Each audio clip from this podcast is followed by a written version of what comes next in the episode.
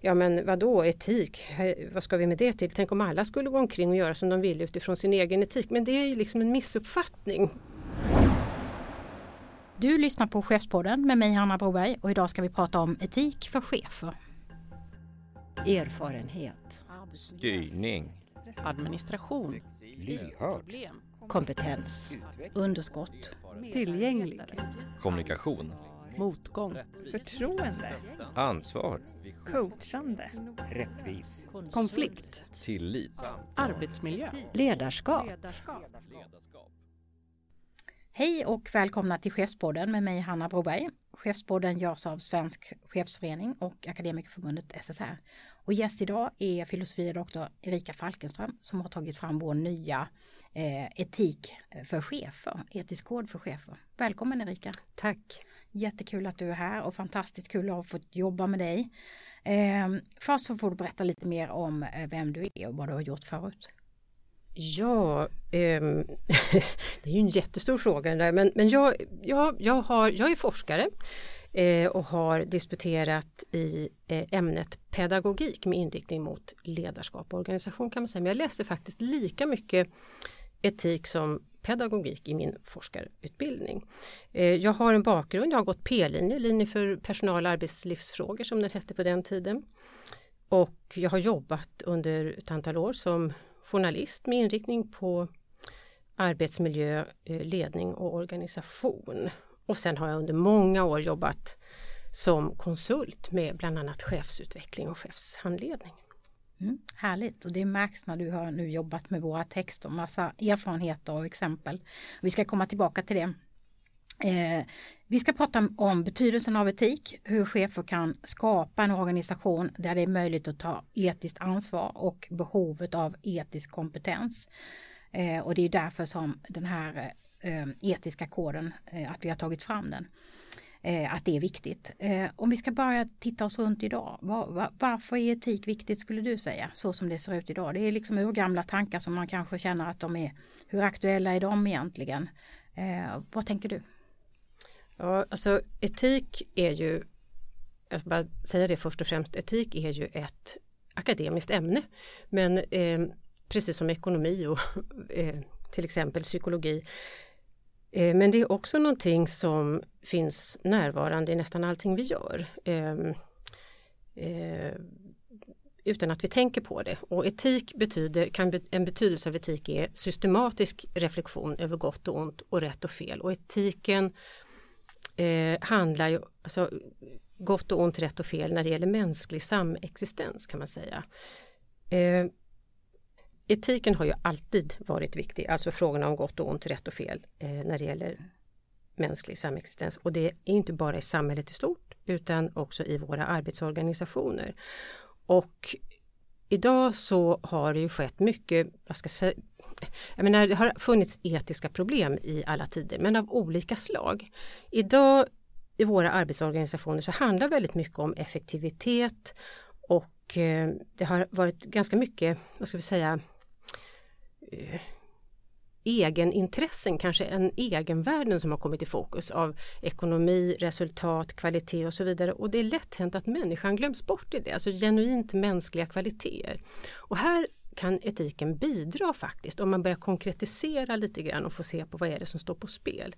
Och vi ser ju, jag menar, vi ser exempel på brister i arbetsmiljö, vi ser att det finns mycket stora problem med psykisk ohälsa, stressrelaterat. Man kan fråga sig Alltså det, det är ju många etiska värden som står på spel där också men det kan också vara korruption, tystnadskultur, oegentligheter och här kan en ökad med etisk medvetenhet eh, bidra till en till stor förbättring. Mm.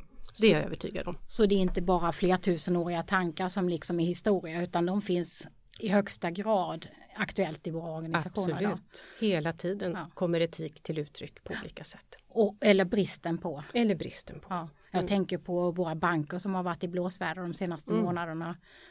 Vad som kan ha hänt bakom kulisserna där eller borde ha hänt bakom kulisserna Precis. under processen. Och det är ett utmärkt exempel på, tänker jag, när just egenintressen kommer före egenvärden mm. och tillit och långsiktig hållbarhet. Mm. Där någras intressen av att göra pengar kanske då. Mm. Eller skydda sin position. Eller, eller, att skydda sin position. Mm. Mm.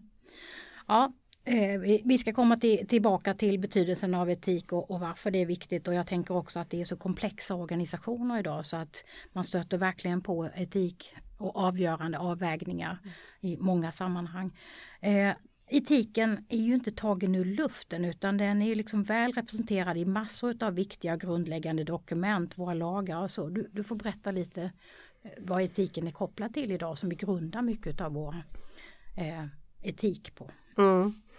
Alltså våran lagstiftning bygger ju faktiskt på etiska antaganden och många etiska kärnvärden är också skyddade eh, i våra lagar. Eh, inte i alla naturligtvis men i våra grundlagar till exempel och de står ju över alla andra lagar. Där finns flera etiska kärnvärden. Eh, och det är klart att det inte bara behöver gälla i offentligheten så att säga utan också i organisationer ehm, i, i våra samhällen som också är där olika företag, verksamheter och organisationer ingår. Och du betonar då, alltså den humanistiska människosynen också som, som ju finns liksom representerad i de här ja, i de kärnvärdena och i den lagstiftning så som den är, som den är liksom utformad. Som grund i etiken att vi behöver utvecklas som moraliska och medmänskliga varelser. Vad, vad, när du skriver det, vad, vad, vad är det vi menar med den här utvecklingen? Att, eh, att vi ska bli medmänskliga varelser och att vi ska kunna vara moraliska. Kan man vara det som chef också? Kan man verka så? Ja, alltså den humanistiska människosynen då först och främst, den har ju vuxit fram under väldigt, väldigt lång tid genom historien. Och det som är fint med den, tycker jag, det är att den omfattar all, den, den har en väldigt stor tolerans för människors olikhet. Och det är just vårat värde som personer som står i centrum. Så den har ju så att säga banat väg för den här mest kända och centrala principen, människovärdesprincipen. Och det är utifrån just det att alla människor har samma värde som personer, inte i förhållande till vad vi gör, utbildning, lön och sådär, men som personer. Det är, det, det är grunden för alla andra etiska värden. Jag menar också om man kommer in på sådana här saker som diskriminering, lagstiftning som har med diskriminering att göra, det är en följd av den här traditionen. Så det är viktigt att ha lite kunskap och orientering om det och det tror jag vi har tappat bort lite för att etiken har blivit så där lite självförklarande i vårt samhälle. Ehm, och, och eh, så. Men, men ehm, på den andra frågan som handlar om det här med moraliska varelser, alltså vi, människan men om man ser till exempelvis Immanuel Kant som ju var upplysningens stora moralfilosof så vi, vi, vi har ett förnuft eh, så och eh, har också Aristoteles för 2400 år sedan pratade om dygder och det här att människan har en medfödd liksom, förmåga att utveckla eh, och förhålla sig moraliskt. Då, då. Eh, och det kan ju också förklaras biologiskt naturligtvis. Vi, vi, det är en fråga om överlevnad, hur vi ska överleva. Man behöver ta hänsyn till varandra för, för att klara sig. Så att det här är ju väldigt djupt. Men, men idag att vi behöver utvecklas mot mer medmänsklighet eh, jag tror att det är för att vi har just så mycket fokus på instrumentella yttre värden. Eh, de materiella tingen kanske och att hur ska jag kunna tjäna på det här? Hur ska vi kunna eh, ta oss fram eller få en position? Och det är lätt hänt i den här yttre materiella världen eh, att man tappar bort de här inre. Orienteringen utåt gör att det är rätt att man tappar bort de här inre värdena och att vi inte riktigt har ett språk för det. Vilket vi kan återkomma till också. Men... Precis, jag tänker att det är ju inte så att man funderar om huruvida chefer kan vara moraliska och medmänskliga men det är väl snarare att kanske systemet som du säger inte fokuserar riktigt på det utan snarare tvärtom och efterfrågar någonting annat och, mm. och att det kan bli en krock. Visst, och sen tänker jag också på att eh, den här eh, människans längtan efter frihet och eh, autonomi, att vi ska få förverkliga oss själva och våra liv. Jag menar, det ligger någonting väldigt fint i det men det finns en baksida i det också som kan bli någon slags gränslöshet och, och att alla har rätt att säga och tänka och tycka som de vill. Men då kan man tänka att etik är också en gränsdragningskonst som jag tror vi kan behöva idag. Jag menar, ta det här med kunskapsresistens som man har varit inne på eller så är allting rätt? Går, det är, går allt lika bra går det ena lika bra alltid som det andra och det är ju inte så säkert och där har vi tappat lite av ett kritiskt tänkande för att det blir också lite obekvämt Mm. att vara etisk och sätta den där gränsen för då kommer någon bli missnöjd så det här är också lite svårt. Mm. Vi ska komma tillbaka till det där Mm. med, med att man behöver kunna få sammanhang där man kan ställa frågorna och en, en, Mm. en öppenhet och så. Eh, jag tänker bara flika in att in, när vi först snackade lite så berättade du att du hade varit på bio igår och tittat på The Green Book. Och då Just gav du det. ett exempel på den här svarte pianisten som hur han hade behandlats. Det, Mm. det får liksom, för här, här ser man ju liksom att människor kan förstå att det här är inte rätt. Du får beskriva det lite. Ja, vi var och såg den här filmen Green Book i, igår som ju var, tycker jag, en, en fantastisk film på många olika sätt. Eh, och den handlar ju både om, om klass men den handlar också om ras. Eh, och eh, att han var den ena huvudrollsinnehavaren då en svart man som var en, en enastående konsertpianist och uppburen och han spelade med sin trio och de åkte på en turné.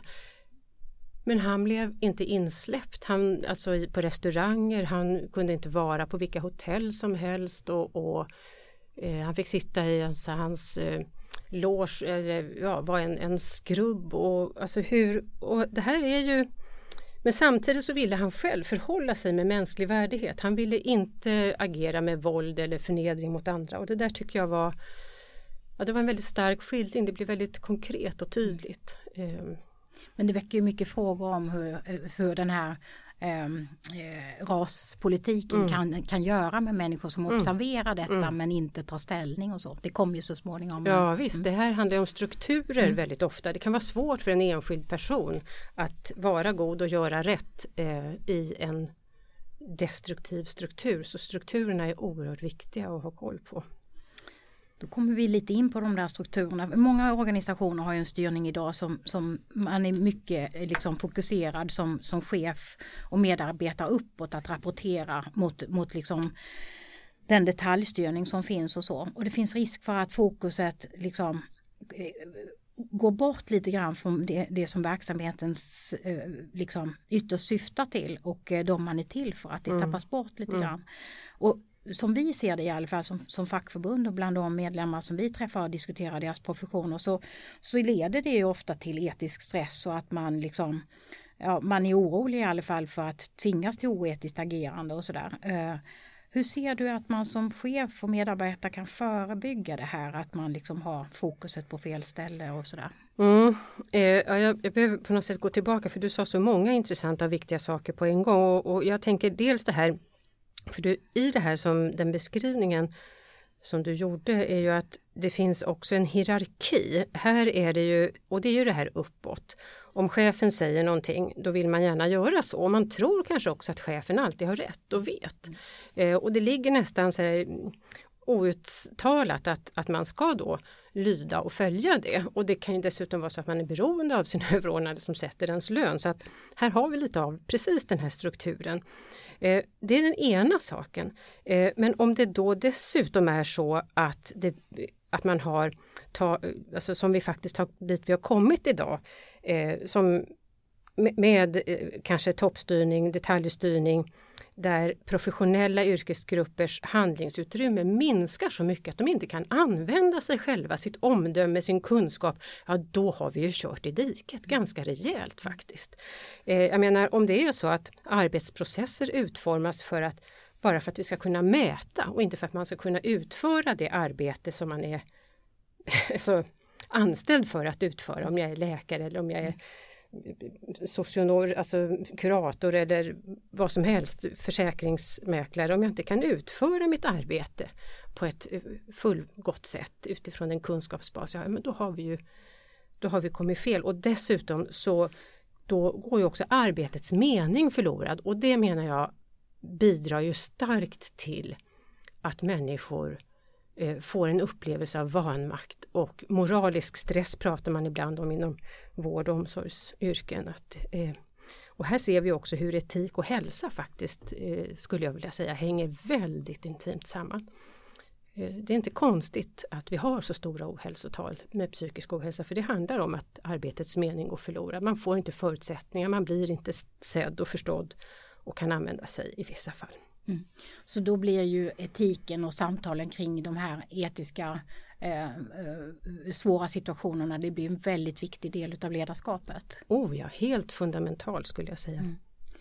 I Etik för chefer som den här nya etiska koden eh, eh, då, eh, som vi ger ut så har du beskrivit chefsrollen idag och eh, chefers ansvar när det gäller etik. Vad, eh, Eh, om vi ska börja med hur en chef ska tänka eh, när, just för att ta sig an detta och kunna förebygga det vi, vi nyss var inne på då eh, och få ett välfungerande etikarbete i sin organisation. Vad är det man behöver göra? Vad är det man behöver kunna?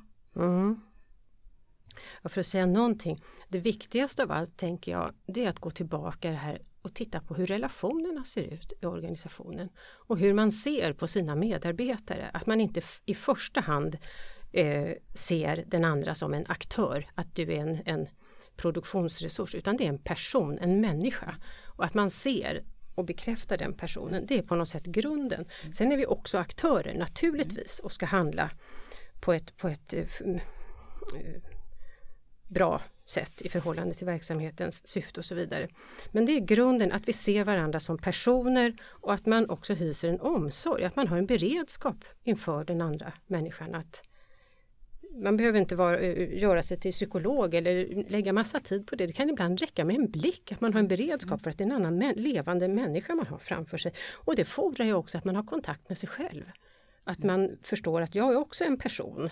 Eh, så det är på något sätt grunden. Sen behövs det faktiskt en viss kunskap därför att just det här som jag sa inledningsvis att etik och moral det blir på något sätt självförklarande. Det är sån här eh, sunt förnuft. Vad ska vi med etik? Det räcker inte med sunt förnuft. Och, kan man tänka, men det är som, som en, en chef sa som jag mötte för ett tag sedan så här att ja men vadå etik, Här, vad ska vi med det till? Tänk om alla skulle gå omkring och göra som de vill utifrån sin egen etik. Men det är ju liksom en missuppfattning på något sätt därför att etiken den, den behöver också vara baserad på kunskap. Det finns kunskap och den kunskapen skulle jag säga, den behöver varje chef men varje medborgare också för den delen eller anställd försöka skaffa sig på ett eller annat sätt. Och det är klart att i en organisation då för chefer så behöver man ju avsätta faktiskt resurser för det här och, och tid för att eh, tillgodogöra sig kunskap. Vad är etikens innehåll och vad finns det för metoder? Och sen behöver chefen undan för undan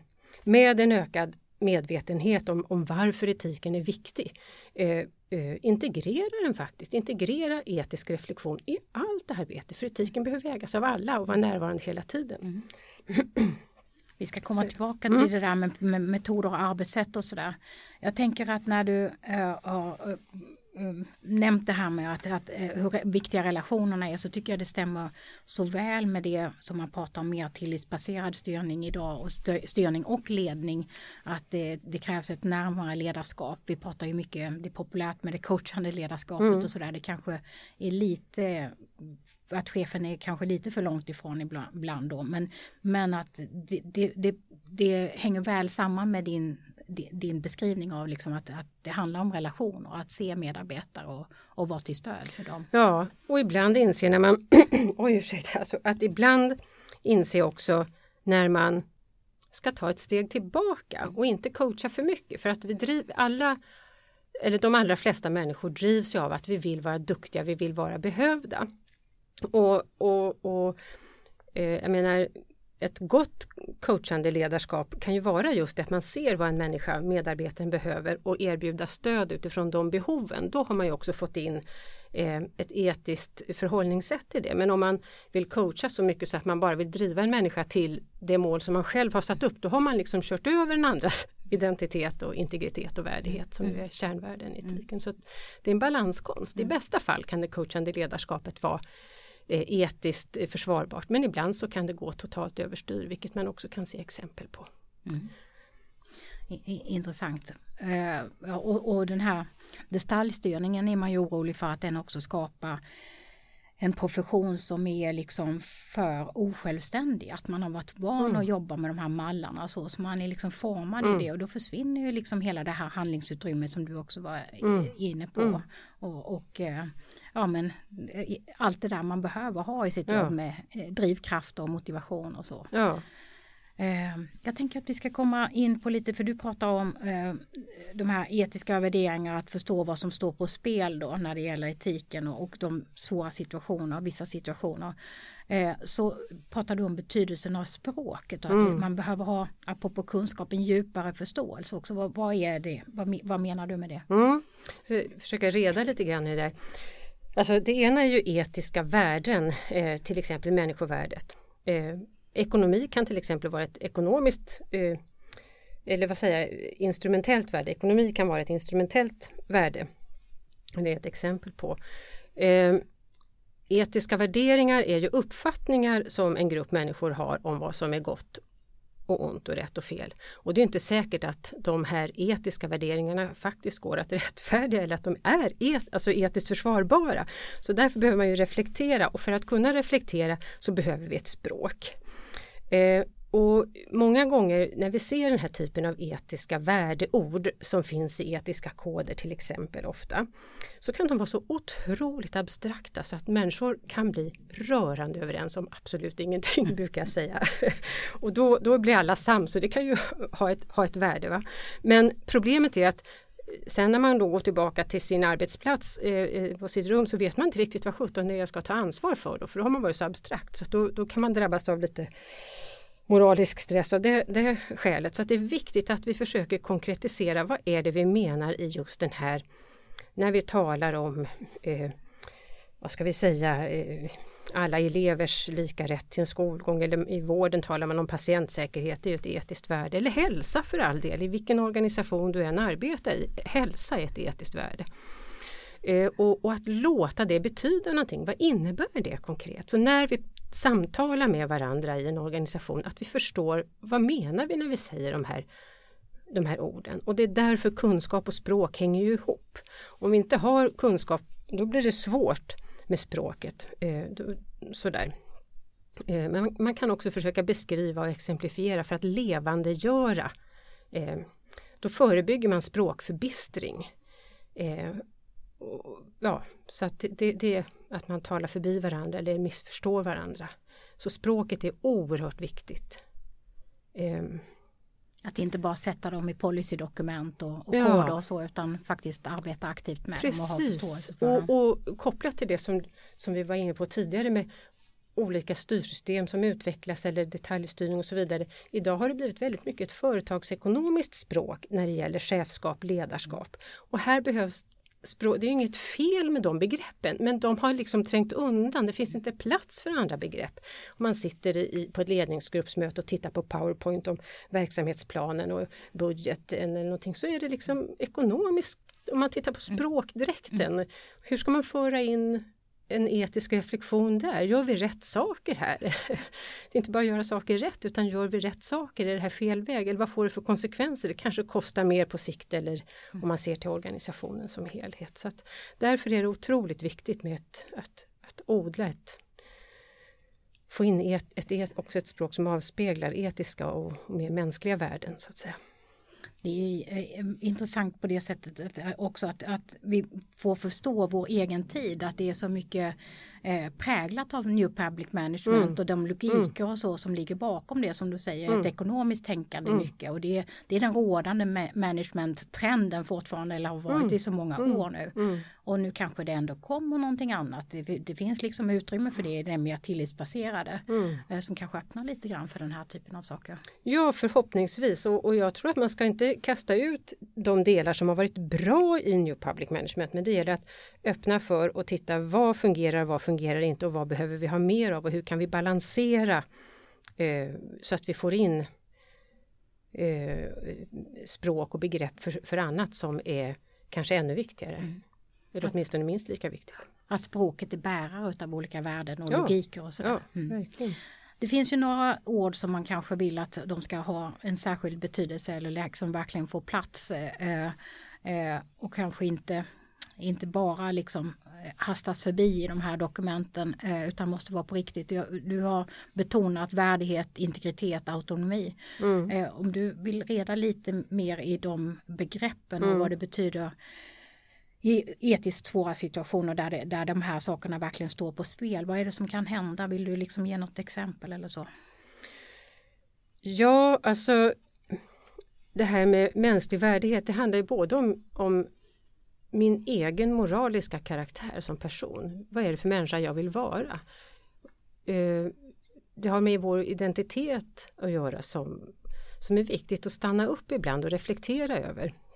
Men det handlar också om att jag är skyldig att respektera eh, andras identitet och, och, och värdighet. Ehm, det är ett stort ord som är väldigt nära kopplat till just människovärdet. Eh, och då kan man behöva göra halt och fundera, så med vilken rätt gör jag så här?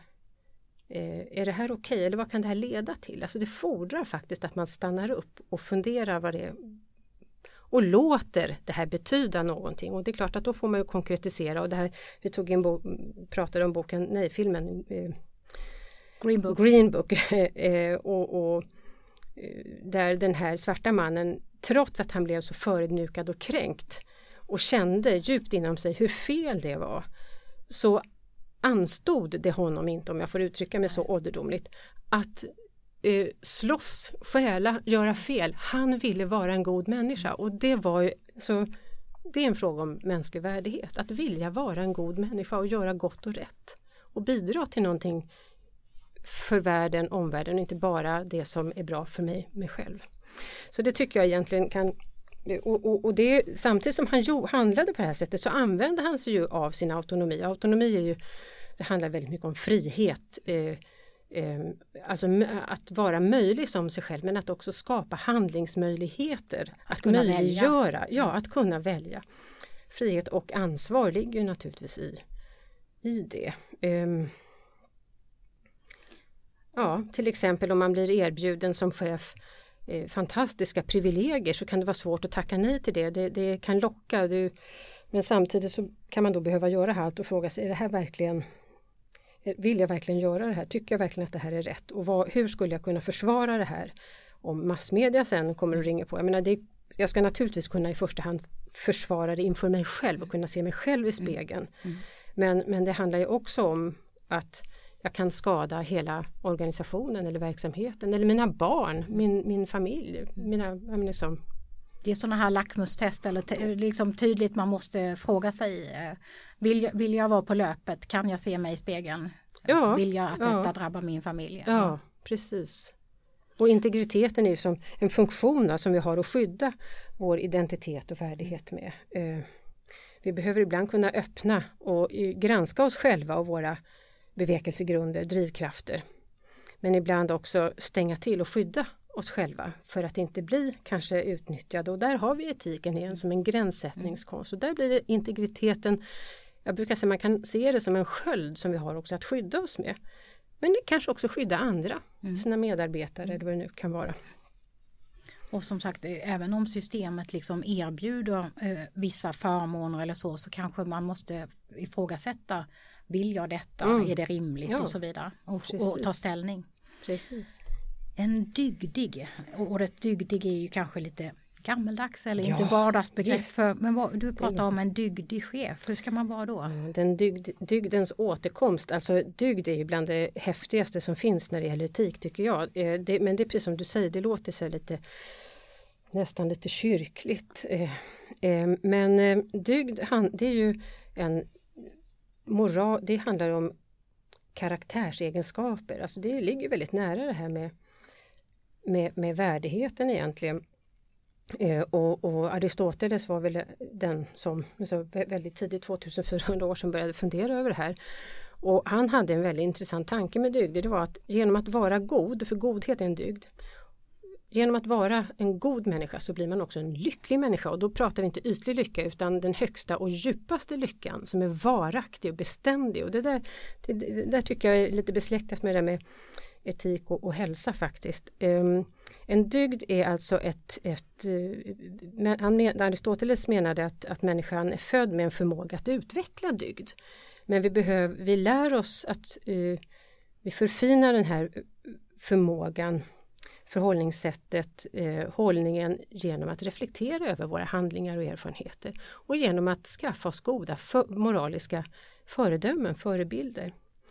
Men naturligtvis också eh, bygger det på kunskap. Eh, så.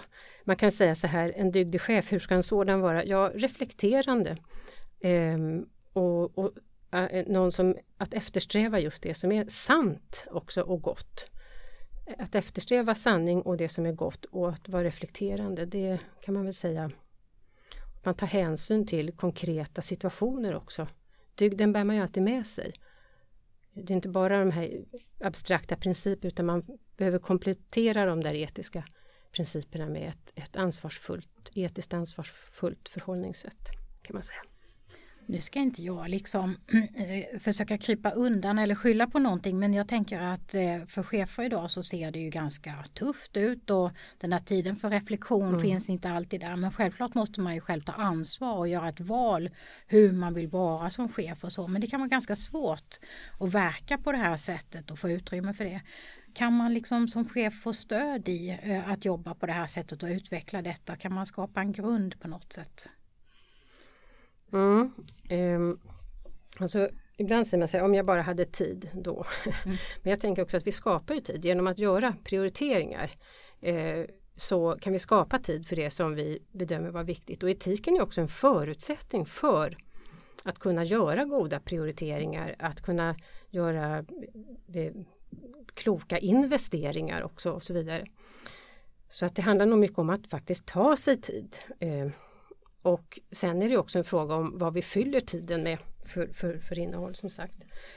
Um, men vad sa du sen? Stöd? Ja, jag tänker liksom hur, hur man kan jobba kanske tillsammans med andra kollegor mm. och skapa den här kollegiala Precis. samtal och så. Liksom. Som är viktigt för alla professionella sammanhang egentligen. Absolut, jo men det tror jag för att man behöver ju skapa någon slags legitimitet också för det här i organisationen och stödstrukturer för etik. Och då, eh, det är något som jag tagit upp också i den etiska koden, gett ett exempel på att man kan skapa kollegiala former mm. där man utbyter erfarenheter som är vid sidan av det ordinarie arbetet. Det kan man ha som en, en, en, en lärarena eller vad man ska säga för att utveckla eh, sin etiska kompetens eller förmåga till etiskt ansvarstagande. Men sen behöver ju etiken också integreras i allt arbete, i de ordinarie arbetsprocesserna. Att Man har en medvetenhet och närvaro, men absolut att ta hjälp av varandra. Men jag tror också att man behöver utbildning, en viss utbildning. Tror jag att alla chefer, oavsett om du är generaldirektör eller statsminister eller, men alltså, eller vd i ett företag. Man tror kanske att man kan och vet allting. Eh, och att man är så erfaren att det här är någonting som framförallt yngre chefer behöver. Men jag skulle säga att alla chefer skulle vinna på att eh, förkovra sig i det här ämnet på något, på något vis. Mm. Jag, jag, tänker att eh, chefen ändå har att hantera väldigt mycket intressekonflikter. Det är liksom chefens vardag och, och eh, det står ju ganska ofta saker på spel utav mm. olika slag. Eh, kanske inte alltid så allvarliga saker. Man, man måste hela tiden analysera och väga saker och hitta en balanserad hållning och sådär. Mm.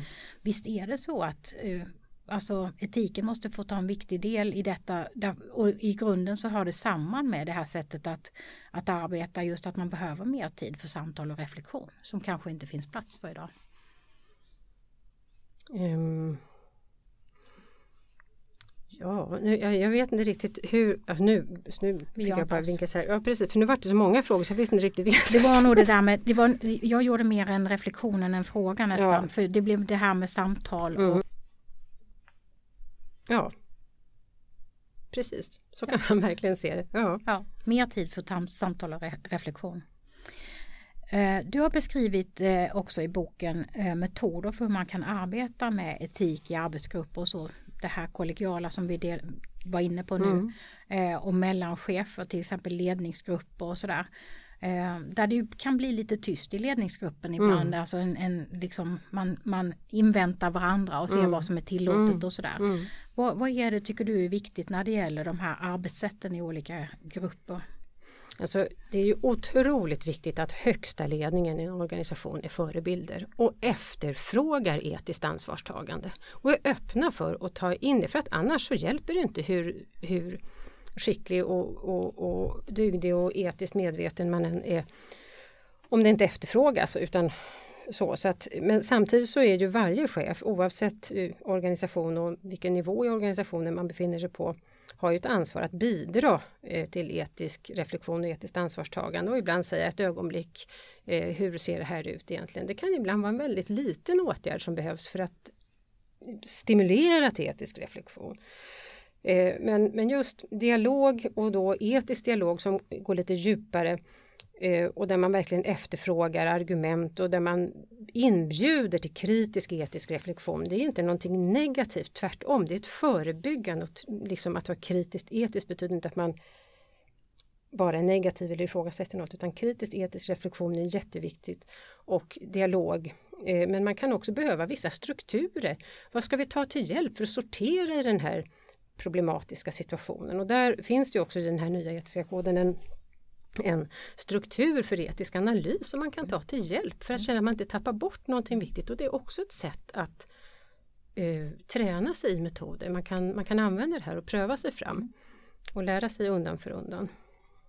Så ta med sig den till sin ledningsgrupp eller arbetsplatsen eller särskilda möten där vi diskuterar Absolut. hur ser det ut hos Ja. oss det senaste halvåret. Vad har vi haft för etiska liksom svåra situationer? Hur Mm. har vi hanterat dem Mm. och så? Och så Och ta sen- några exempel och jobba med dem. Absolut, så kan man göra och man kan också helt enkelt sätta upp de här några kriterier för, för kommunikativ rationalitet som eh, Jürgen Habermas kallar det för, som ibland uppfattas som väldigt svårt. Men man kan sätta de tre kriterier som är då faktiskt utarbetade mer med tanke på organisationer. Bara ta upp de här. Idag ska vi försöka träna oss i den här etiska dialogen. Vi har våra ordinarie ärenden, vi ska jobba precis så här. Men vi försöker följa de här principerna. Och sen när man efter mötet är klar så kan man också utvärdera. Hur klarade vi den här? Att integrera etiken i de ordinarie ärendena och våra vanliga frågor. Så att det behöver inte alltid bli så mycket nytt utan det är mer att öppna sig för eh, det här etiska perspektivet. För att, att kunna lyfta etiska eh, problem i en organisation det är ju faktiskt avgörande för verksamheten. Det ser vi apropå det vi sa nyss om, Ja. om bankerna som är i en riktig turbulens nu de senaste månaderna. Tystnadskulturen och arbetsmiljön på Dramaten. ett annat. Definitivt. Ja. Eh, så om, om man ska se till resultat och kvalitet i verksamhet så behöver man verkligen jobba med etiken. Eh, och du talar om både kunskapen, att man har etisk kompetens och, och, och att man skapar de här organisatoriska förutsättningarna då också. Mm. Eh, det där huret tror jag att många chefer funderar över. Kan, kan du ge några, liksom, ja, nu har vi varit inne på några hur-exempel Mm. på ledningsgruppen och så. Men just sådana här regelbundna möten, att man tar upp det på olika nivåer, att den översta ledningen verkligen sanktionerar det här och efterfrågar det och så. Mm. Eh, eh, att, att man liksom skapar de här organisatoriska förutsättningarna för Mm. etik. Det är Mm. viktigt, eller hur?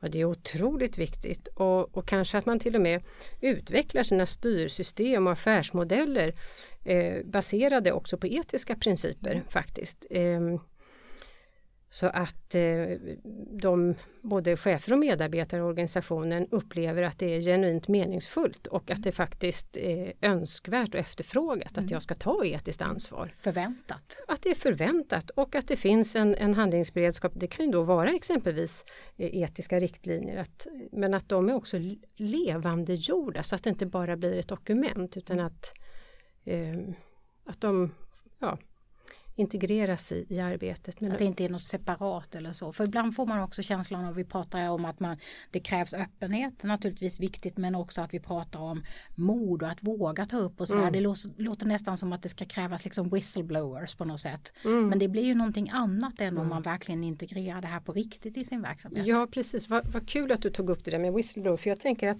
en whistleblower, eh, man kan ju tänka sig en, en verksamhet som kollektivt, alltså som helhet eller som i hög utsträckning tar etiskt ansvar. Då kanske man också har lyckats förebygga, då kanske inte det behövs så många whistleblower. Då har man, nu är det ett idealtillstånd men, men ändå. Mm. Mm. I boken då, den här etisk kod för chefer så finns det ju många exempel och modell för etisk analys och kunskap och verktyg så att eh, jag rekommenderar eh, er varmt att eh, ta tag i boken. Den kommer att finnas med i chefstidningen nummer fyra nu och den kommer också kunna köpas i bokhandeln. Vi kommer att ha med den på en massa medlemsaktiviteter bland annat tillsammans med Erika. Jag tänkte avslutningsvis, om vi tittar några år framåt, hur hoppas du att det ska se ut när det gäller etik i våra organisationer? Ja, då hoppas jag verkligen att den är en integrerad del, att vi människor, så att säga chefer och ledare ser till relationerna, eh, respekterar människors just identitet, integritet och värdighet. Att man bryr sig om, att det finns en omtanke. Att vi inte bara blir aktörer. För att det, det gagnar både människan själv, oss själva, men också de goda arbetsresultaten. Så mer av etik och det är också, även om det är svårt så är det också väldigt, väldigt roligt. Mm. Tusen tack för samtalet nu och tack så jättemycket för det jobb som du har gjort Erika med vår nya bok. Chefspodden är tillbaka om ett par veckor igen eh, och den finns på Spotify och på andra ställen. Varmt välkommen tillbaka och lyssna på oss.